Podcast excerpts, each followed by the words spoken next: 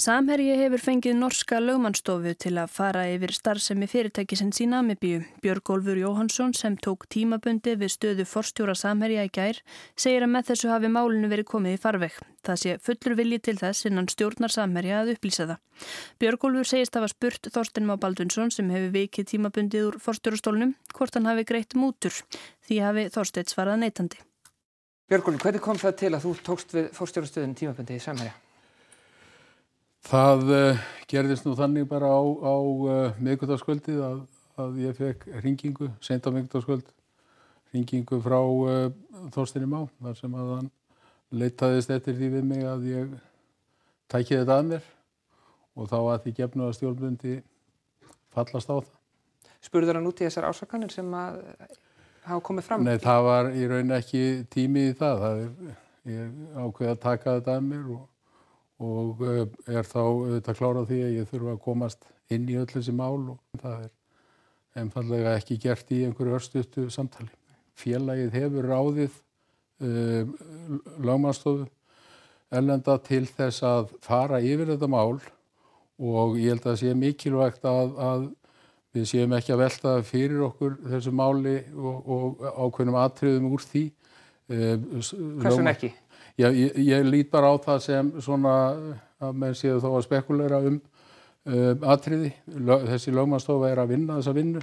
Uh, við viljum að það sé að hún reyna að hraða því eins og kostur er og sjálfsögðum eins og félagið þegar að niðurstöður og því koma fara yfir það á, á, á um, vettfangi fjölmila og, og, og þannig að það sé rætt um það við almenning. En verður fyrirtæki ekki að svara fyrir, er ekki eðlilega krafa fyrirtæki Já, ég, svara undir eins fyrir þessar alveg ásakanir? Það er bara mjög mikilvægt í svona máli þegar það er búið að leggja upp atriði eins og það lítur út í þættinu kveik. Uh, það er mjög mikilvægt að fá utanakomandi aðila til þess að fara yfir málinn og sína fram á hvernig uh, þessi hlutir gerðust allir. Þetta er í farvegi. Veistu hvort að þessi lögmannstof hefur unnið fyrir samhæri áður? Ég veit það ekki. En þetta er alltfjörlega lögmannstofa og fyrirtæki sem vil vera trúverðugt. Þá fara þau ekki að, að setja fram skýslu sem að þau telja ekki rétta. En er ekkit skrítið að fyrirtækið ætli sér bara að rannsaka sig Nei, sjálft? Nei, það er óskup eðlilega. Fyrirtækið er ekki að rannsaka sig sjálft. Fyrirtækið, stjórn fyrirtækið sem vill fá niðurstöð í málið. Þannig að það er eðlilegt að fyrirtækið fái aðila utanakomandi til þess að fjalla og skoða þetta mál. Eh, það er ljóst að, að það geta aðrar óbæra stofnarnir verið að skoða þetta mál. Eh, yfirvöld, hvort sem verður skatta yfirvöld og eða sérstaklega saksóknari. Þeir munu að sjálfsögðu vinna sína vinnu og fá alla þá aðstóð sem að þeir tellja sér þurfa frá félaginu. Eh, ég minna að þetta er stort fyrirtæki og uh, það er ekkit óeilegt að, að það komi upp ímsatriði sem að, að kunna að vera ekki alveg í, í samræmi við uh, ítrystu tólkun laga.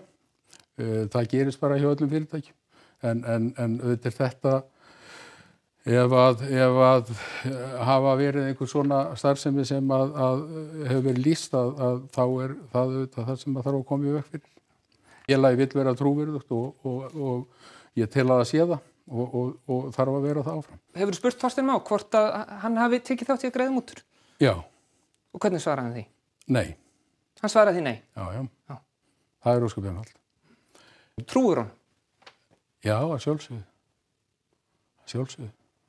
En telur þú, já, er hreinlega ábyrgt að þér sem að, til dæmis reyndum forstjóra hjá, hjá einu stærsta fyrirtæki í Íslands, er ábyrgt að þér að ganga inn í forstjórastjól hjá fyrirtæki sem situr undir svona gríðarlega alvarlegum ásökunum já. og vita ekki uh, Gó, sjálfur hvað, hvað er hæft í þeim? Góð spurning. Hvernig málun líkur nákvæmlega? Það er ósköp einfalt að þetta fyrirtæki er stórt félag á íslenska vísu og ég myndur að telja það óábyrgt að, að hafna því að koma að því að, að stýra félaginu við þessar aðstæður þó að sé ekki nema bara til að reyna að, að aðstóða þá félagið að halda starfsmönnum fókusera á sína vinnu. Eh, það er alveg ljóst að þetta raskar ímsu og eh, það er mjög mikilvægt að koma því og góðan farveg starfsemi félagsins. Eh, Þorstein Már hefur vikið viki núna tímabundi. Það eru aðri starfsemi fyrirtæki sem hátt settir sem að tengja streksturinnum í Namibíu. Hver er mm -hmm. þeirra staða? Uh, ég er bara ekki komið þá langtíminni vinn að geta svara þessari spurningum. Hvernig ætlar að fara í það mál? Að, að kanna það? Ég, eins og ég sagði, ég byrjaði í gerðmorgun, ég er að vinna og að reyna að átta mig á málinu, þannig að, að, að sjálfsögðu þarf ég að velta því fyrir mér og, og skoða. En ef það kemur í ljós að það hafi verið greitar mútur, hvað þá? Hvað það er mjög alvarlegt mál. Og hvað það mun þú þá gera ef það svo niðurstöð kemur hann á bort til því? Ég mun bregðast við því að sjálfsögðu. Hvernig? Ég ætla ekki að svara því í þessu viðtali, Tryggvi. Eh, Nú fóru, já, um Þú, 470... þú, þú spyrð alltaf sömu spurningana. Ég er að segja það að málið er komið í farveg og þar til að það kemur upp að þá uh, erum við ekki að velta fyrir okkur einstökum atriðum úr þessu máli. Hvað finnst þið bóðlegt að, að þessi aðtúun lögmannstofuna norsku takja langan tíma? Mér, ég vil sjá hana gera sem fyrst. Hvort það er talið í vikum eða, eða fáum mánuðum er, er í raun bara spurning. Saði Björgólfur Jóhansson, Tryggvi Aðalbjörnsson rætti við hann. Lífslíkur í Namibíu eru með þeim minnstu í heiminum. Þjóðarmorðin í Namibíu eru sögð fyrirmynd helfarar nasista í setni heimstyrjöldinni og aðskilnaðastefna Suður Afríku leik landið grátt. Namibíu fekk sjálfstæði árið 1990 og er enn að slíta bartskónum sem þjóð meðal þjóða.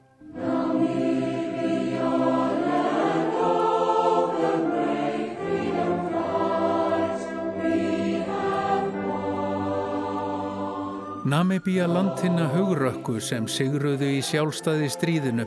Þjóðsöngurinn var tekin upp 1991 eftir sigur í sjálfstæði stríðinu gegn Suður Afríku. Áður höfðu þjóðsöngar landsins verið á Þísku og fjallað um landið í Suðvestri.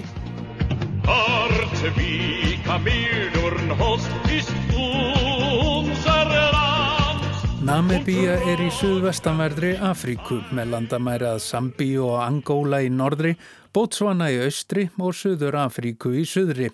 Namibíja hlaut sjálfstæði frá Suður Afríku 21. mars 1990 eftir sjálfstæði stríðið. Í landinu búa 2,7 miljónir, þar af um 330.000 í höfuðborginni Vindúk. Nambia er í saminuðu þjóðunum þróunarbandalagi sunnanverðrar Afríku, einingarsamtökum Afríku og breska samveldinu.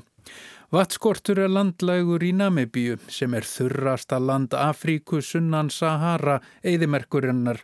Öldum saman bjóð þar San, Damara og Nama fólk en um 1400 tóku búntúmenn að flytja þangað í stórum stíl og hafa verið meiri hluti landsmanna frá lokum 19. aldar.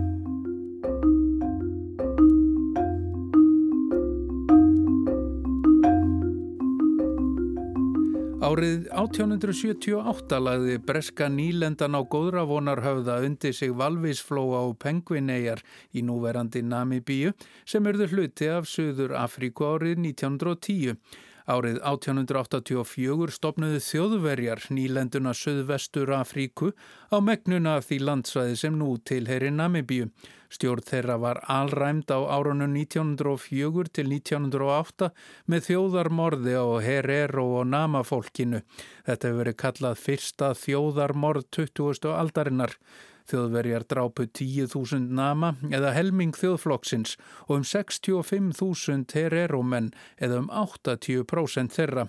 Framferði þjóðverja var einstaklega ómannúðlegt og sumir sakfræðingar hafa sagt að þjóðarmorðin í Namibíu hafi verið fyrirmyndin að helfur nazista í setni heimstyrjöldinni. Yfiráðum þjóðverja í Namibíu lauk 1915 með sigri herdeilda frá Suður Afríku. Árið 1920 veitti þjóðarbandalagið Suður Afríku umboð til að stjórna nýlendunni. Kynþáttalög voru smám saman tekin upp og eftir að þjóðarflokkurinn komst til valda árið 1948 var aðskilnaða stefnan apartheid einnig tekin upp í núverandi Namibíu.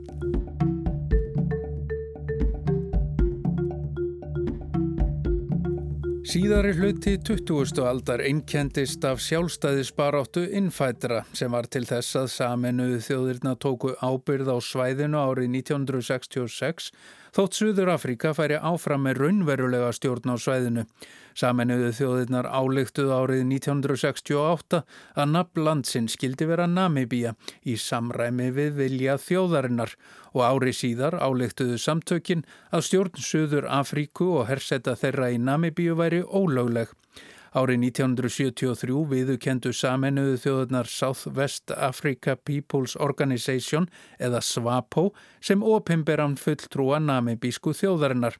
Undir fóristu SWAPO helt skærulega hernaður og sjálfstæðisbaráta áfram með stuðningi frá Sovjetríkjónum og bandalagsríkja þeirra en Suður Afrika naut aðstóðar frá vesturveldunum. Stuðningur við Suður Afríku meðal alþjóða samfélagsins fór stöðugt þverrandi og Namibíja fekk að lokum fullt sjálfstæði frá Suður Afríku árið 1990 eftir harða baráttu. 97% kostningabæra kusu í fyrstu kostningum Namibíu og Svapo fekk 57% atkveða og reynan meiri hluta á þingi. Svapo hefur fengið meiri hluta í öllum kostningum frá sjálfstæði.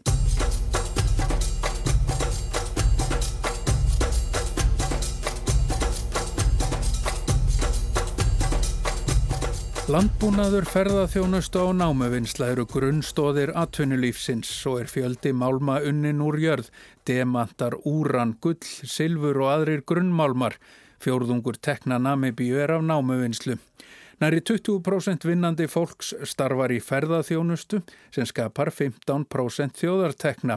Helmingur þjóðarinnar hefur lífsviður væri sitt af landbúnaði en stæstu jarðirnar eru enni í höndum kvítra landeganda frá fornu fari. Namíb Eidimörkin sem landið dregur napsitt af næri yfir stóran hluta Namibíu og því er landið eitt það strjálbílasta í veröldinni. Atvinnuleysi er útbreytt og er næri þriðjungur landsmanna án vinnu.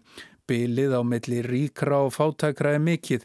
Ríkustu 10% landsins fá yfir helming þjóðartekna en 18% þjóðarinnar er undir hungurmörkum. Enska er opimbert tungumál sem notaður í skólum og stjórnsýslu þótt einungis 3% þjóðarinnar tali hana innan vekja heimilisins. Mikill meiri hluti þjóðarinnar er kristinartrúar eða á milli 80 og 90%. Langflestir þeirra eru mótmælandatrúar. Samkynneið er bönnuð í Namibíu og misrétti í garð hins egin fólks útbreytti í landinu. Sangvænt nýleru könnun hefur þriðjungur kvenna orðið að þóla ofbeldi af hendi maka og sama könnun leiðir í ljós að 30% karla telja í lægi að beita konu sína líkamlegu ofbeldi. Vattskortur er landlaugur og í 300 skólum landsins er engin klósett aðstæða með rennandi vatni. Helmingur barnadauða er rækinn til skorts á vatni og reynlæti. Fjórðung barnadauðans má rekja til niðugangs. Klósett eru sjálfséður munaður og aðeins á færi þeirra efnameiri. Lífslíkur í Namibíu eru með því minsta sem gerist í heiminum.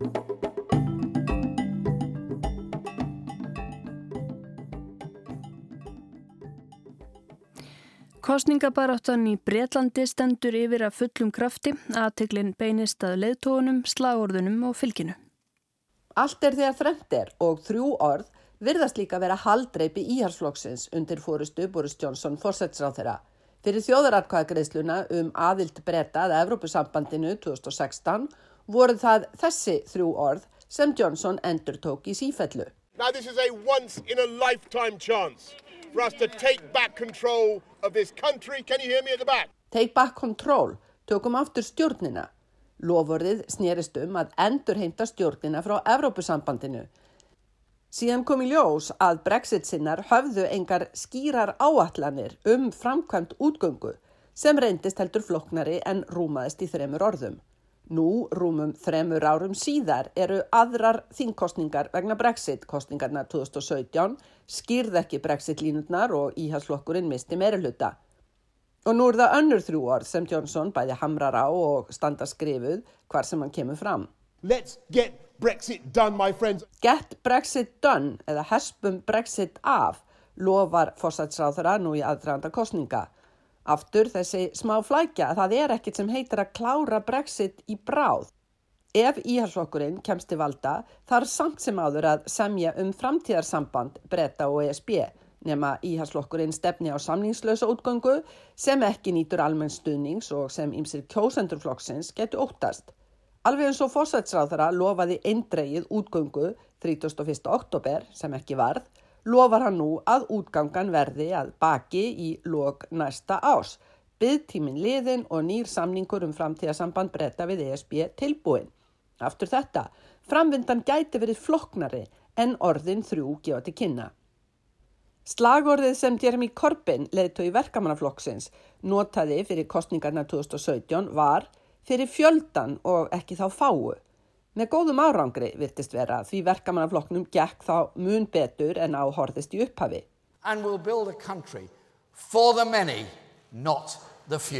Nú er tími til alvöru breytinga eða þannig er slagorðið sem stendur á allu kostningaefni verkamannaflokksins. Hvítt letur á rauðum bakgrunni hvar sem því verður við komið, hvort sem er á rútunni sem flokksleitóin ferðast í eða á ræðustólum frambíðanda flokksins. It is now time for real change. Thank you. Þessi orðum breytingar í alvöru eru yfir og allt umkring í kostningabaráttu verkamannaflokksins en Corbyn notar þau ekki nándar nærri eins mikið í ræðum sínum og Johnson notar sín orð um að hespan og brexit af. Heilin á bakvið kostningabaráttu Johnsons og íhalsflokksins er Dominic Cummings sem einnig skipulagði hérna árangusríku baráttu Johnson fyrir þjóðratkvæðakreistuna 2016. Helsta kenning Cummings er að endurtaka sem oftast sem allra einföldust skilaboð og það gerir Johnson samviskusamlega nú sem fyrr, opnar ekki svo munnin að hann nefni ekki þessi þrjú orð um að hespa brexit af.